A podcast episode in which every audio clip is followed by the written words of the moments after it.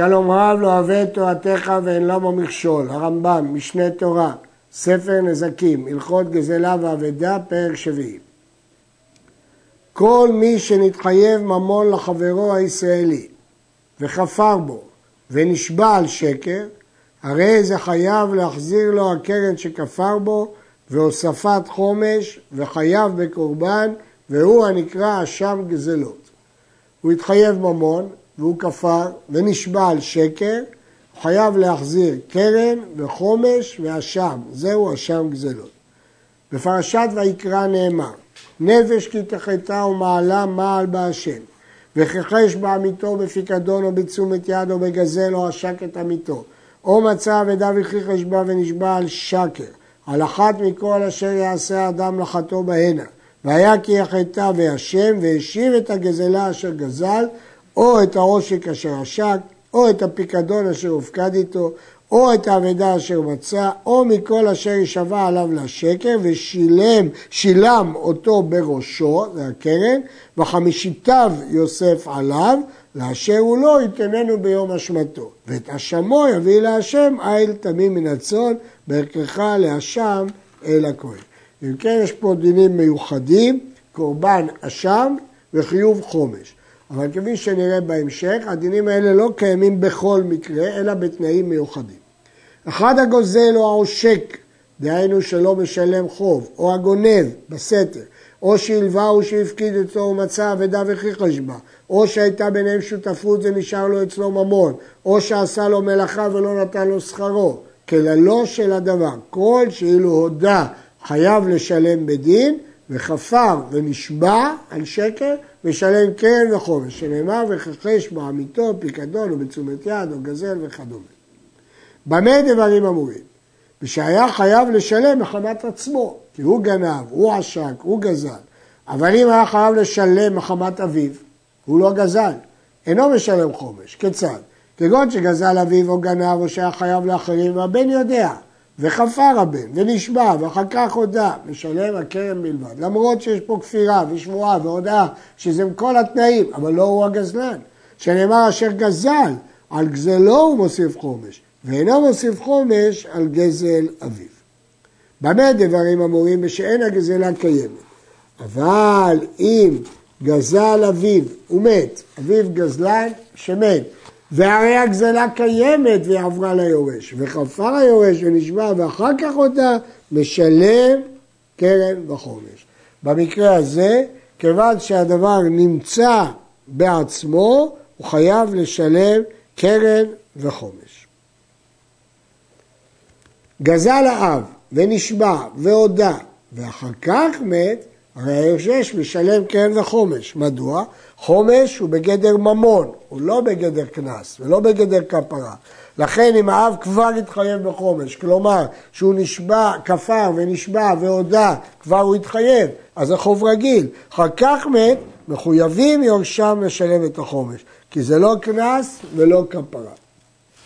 גזל, ונשבע ומת, אבל לא הספיק להודות, והודה היורש, משלם הקרן בלבד. מדוע? מכיוון שבמקרה הזה הוא לא הודה. אז זה עוד לא הפך להיות לחוב אצל האבא והבן לא ירש את זה. בין כך ובין כך, בין במקרה הזה, בין במקרה הקודם, היורש פטור מן האשם. קורבן אשם מביא רק הגזלן בעצמו. גם אם היורש צריך לשלם חומש, אבל לא את הקורבן אשם. הנשבע לגוי משלם את הקרן ואינו חייב בחומש, שנאמר וכחש בעמיתו, וכן הגוזל פחות משווה פרוטה, וכפר ונשבע אינו חייב בחומש, שאין פחות משווה פרוטה ממון. אז אם כן, בגוי ופחות משווה פרוטה אין חומש. כמה הוא החומש? הרי יכול להיות חומש מבפנים וחומש מבחוץ. אחד מארבעה בקרן, בעצם זה רבע, אחר כך זה יהיה חומש. שאם גזל שווה ארבעה ונשבע, משלם חמישה, שזה עוד רבע, אבל בסוף זה נהיה חמישית מהסופית. ואם הייתה הגזלה קיימת, מחזיר אותה ונותן דמי רביע שלה, שהוא בסוף ייקרא חומש. הדין הזה נלמד מזה שכתוב וחמישיתיו, שהחומש הוא מלבר, כלומר לא מלגב אלא מלבר. אין הנשבע על כפירת ממון משלם חומש עד שיודה מעצמו. התנאי הוא כפר, נשבע והודה, רק שהודה בעצמו. אבל אם באו עדים והוא עומד בכפירתו, משלם הקרן בלבד על פי עדים, ואינו משלם את החומש. שהחומש עם הקורבן לכפרה הם באים, ואינו מביא אותם אלא על פי עצמו. אמרנו שהחומש הוא לא קנס כי עובדה שהיורשים משלמים, אבל הרמב"ם אומר שהחומש שבא עם הקורבן הוא בא לכפרה. כיוון שהוא בא לכפרה, אדם שלא מודה לא שייך שהוא יכפר. מה הדין? אם הוא הודה לאחר שבאו עדים. האם הוא חייב או פטור? מהרמב"ם משמע שהוא פטור. אם הוא, אה, אפשר לדייק לכאן ולכאן, כי הוא אומר עומד בכפירתו. קשה לדייק בדברי הרמב"ם. הגוזל את חברו, אף על פי שכפר בו, הואיל ולא נשבע, אם חזר והודה אינו חייב לרדוף אחר הבעלים עד שיחזיר להם ממון שבידו, אלא היא ביד הגזלן עד שיבואו הבעלים ויתלו את שלהם. אבל אם נשבע על שווה פרוטה ומעלה, חייב לרדוף אחר הבעלים עד שיחזיר להם, אפילו הם באיי הים, פני שכבר נתייאשו מאחר שנשבע ואינם באים עוד לטובו. יש הלכה שאם אדם כפר והודה, הוא חייב לחפש את הבעלים עד למדי, במרחק הכי גדול, ולהחזיר להם. אפילו שווה פרוטה, צריך ללכת עד למדי להחזיר לו. אבל אם הוא סתם גזדן מכפר, אבל בלי שבועה, הוא לא צריך ללכת אחריו עד זה דין מיוחד בכפירת גזלה ובשבועה שצריך ללכת עד למדי. שאלה היא מדוע? מדוע הדין הזה נאמר דווקא בכפר ונשבע? הרמב"ם נותן נימוק. כיוון שהוא נשבע, אז הבעלים יתייאשו והם לא יבואו עוד לתבוע את זה. לכן אתה צריך לרוץ אחריהם. אבל אם הוא לא נשבע, הבעלים לא יתייאשו והם היו באים אחריו. יש אומרים שזה גזירת הכתוב, שאין הנגזל מתכפר עד שישיב לידו ממש. זה לומדים את זה והשיב את הגזלה אה, אשר גזל עד שהוא יחזיר לו ממש. אבל מפשט הרמב"ם רואים שהטעם הוא אחר, שפה הם לא יבואו לתבוע את ממונם ולכן הוא צריך לחפש אותם. אפילו החזיר הגזלה כולה חוץ משווה פרוטה, חייב להוליכה אחר הנגזל, עד למדי. ולא ייתן לו לבנו של הנגזל ולא לשלוחו, רק בידיים. אלא אם כן עשה הנגזל השליח בית דין.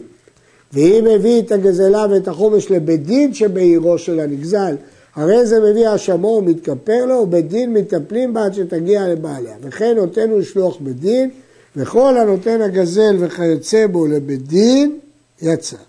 כלומר, זה תקנת חכמים, שאם הגזלן מביא לבית דין, מתכפר לו. הרשב"א מסביר בחידושים שלו שהסיבה היא כי לפעמים ההוצאה היא הרבה יותר גדולה משווי החפץ הנגזל, לכן נותנים אותו ביד בית דין. נתן לו את הקרן ולא נתן לו את החומש. או שמכר לו על הקרן הנגזל ולא מכר לו על החומש. או שמכר לו על זה ועל זה חוץ מפחות משווה פרוטה בקרן, אינו צריך ללכת אחריו. כי פה זה רק חומש או פחות משווה פרוטה. אלא יבוא הנגזל וייטול את השאר. ואף על פי שהגזלה עצמה קיימת, אבל היא פחות משווה פרוטה. אין חוששים שמא תיכר ונמצא נשאר שווה פרוטה, אולי תתייקר. אבל אם נתן לו את החומש ולא נתן לו את הקרן, או שמכר לו על החומש ולא מכר לו על הקרן, או שמכר לו על זה ועל זה חוץ משווה פרוטה בקרן, חייב לו לקרוא אחריו או ייתן לבית דין שלו כמו שבהרנו. הכלל פשוט, אם נשארה גזלה ששווה פרוטה בקרן, שעליה הוא כפר ונשבע והודה, הוא חייב לרדוף אחריו עד למדי או לתת לבית דין. המחזיר את הקרן הבעלים וחפר פעם שנייה בחומש ונשבע עליו. נעשה החומש כקרן לכל דבר. עכשיו החומש הוא הגזלה, הוא משלם עליו חומש אחר. שנאמר וחמישיתיו יוסף עליו, גם חמישית על החומש. לא כתוב חמישיתו אלא חמישיתם, מלמד שהוא מוסיף חומש על החומש עד שיתמעט החומש שכפר בו ויישבע עליו בשווה פרוטה. אבל אם זה לא יתמעט משווה פרוטה, הוא לא חייב חומש. יש דיון במאיר עם מה הדין אם הגזלה שווה פרוטה, אבל החומש עליה הוא פחות משווה פרוטה.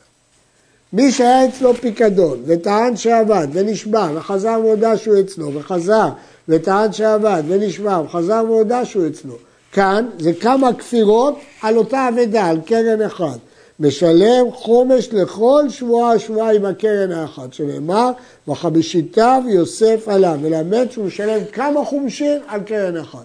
למרות שפה זה אותה קרן, זה לא כמו המקרה הקודם, פה זה קרן אחת עם כמה חומשים, משלם אותה. הרשב"א שואל, איך למדו חז"ל מהפסוק וחמישיתיו שני דינים שונים? גם שכמה חומשין על קרן אחת, וגם שנעשה החומש כקרן, ויש אומרים שגם שהחומש מלבר ולא מלגב. אה, משיב הרשב"א שלומדים את הדין הזה בקל וחומר. אם לאחר שכבר שילם את הקרן יכול להתחייב בחומש נוסף, קל וחומר שכאשר עדיין לא שילם את הקרן, בוודאי שיכול להתחייב עליו בחומש נוסף. עד כאן.